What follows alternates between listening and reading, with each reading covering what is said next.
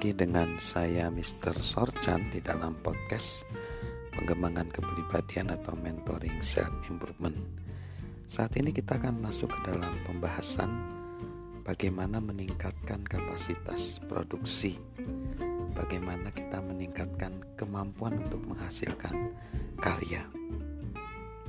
Nah, kapasitas produksi adalah kapasitas yang paling mungkin ditingkatkan secara pesat dan cepat jika kita benar-benar mempunyai tekad.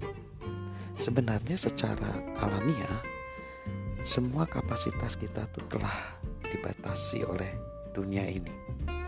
Dunia ini membujuk kita agar kita tidak mau bekerja keras. Dunia meyakinkan kita agar kita tidak bisa maju kita mengalami frustasi, kita mungkin mengalami hidup terpuruk, mungkin ada sistem yang dicurangi atau banyak orang yang menekan kita. Itu wajar karena seperti yang pernah saya katakan hidup itu sulit dan tidak perlu kita bersulit.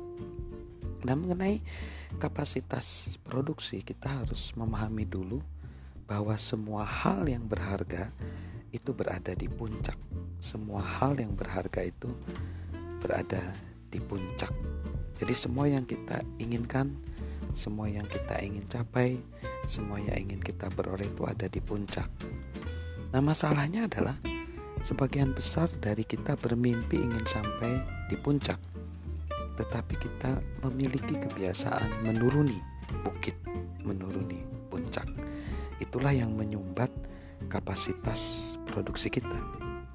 Ada dua dua kepribadian yaitu kepribadian menuruni bukit ya, dan mendaki puncak.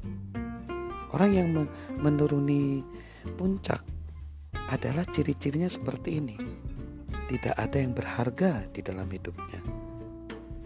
Harga dirinya rendah, momentumnya negatif, penuh kekalahan, semangatnya rendah, rendah, tidak berdampak dan tidak ada perbaikan.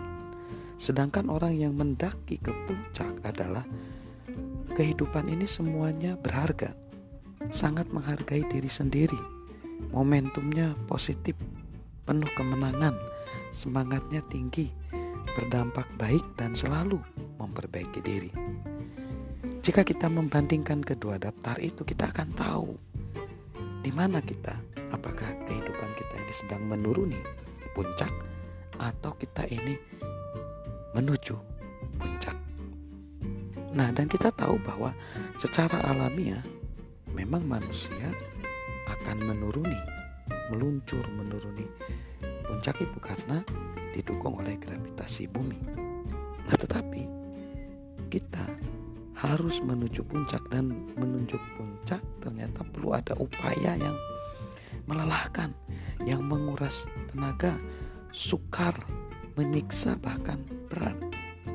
Jadi sesuatu yang berharga, sesuatu yang diinginkan, sesuatu yang pantas kita kita capai itu dicapainya dengan melelahkan, menguras tenaga, sukar bahkan menyiksa dan. Namun itulah yang berharga, itulah yang pantas kita dapatkan. Salam sukses luar biasa dari saya, Mr. Sorjan. thank you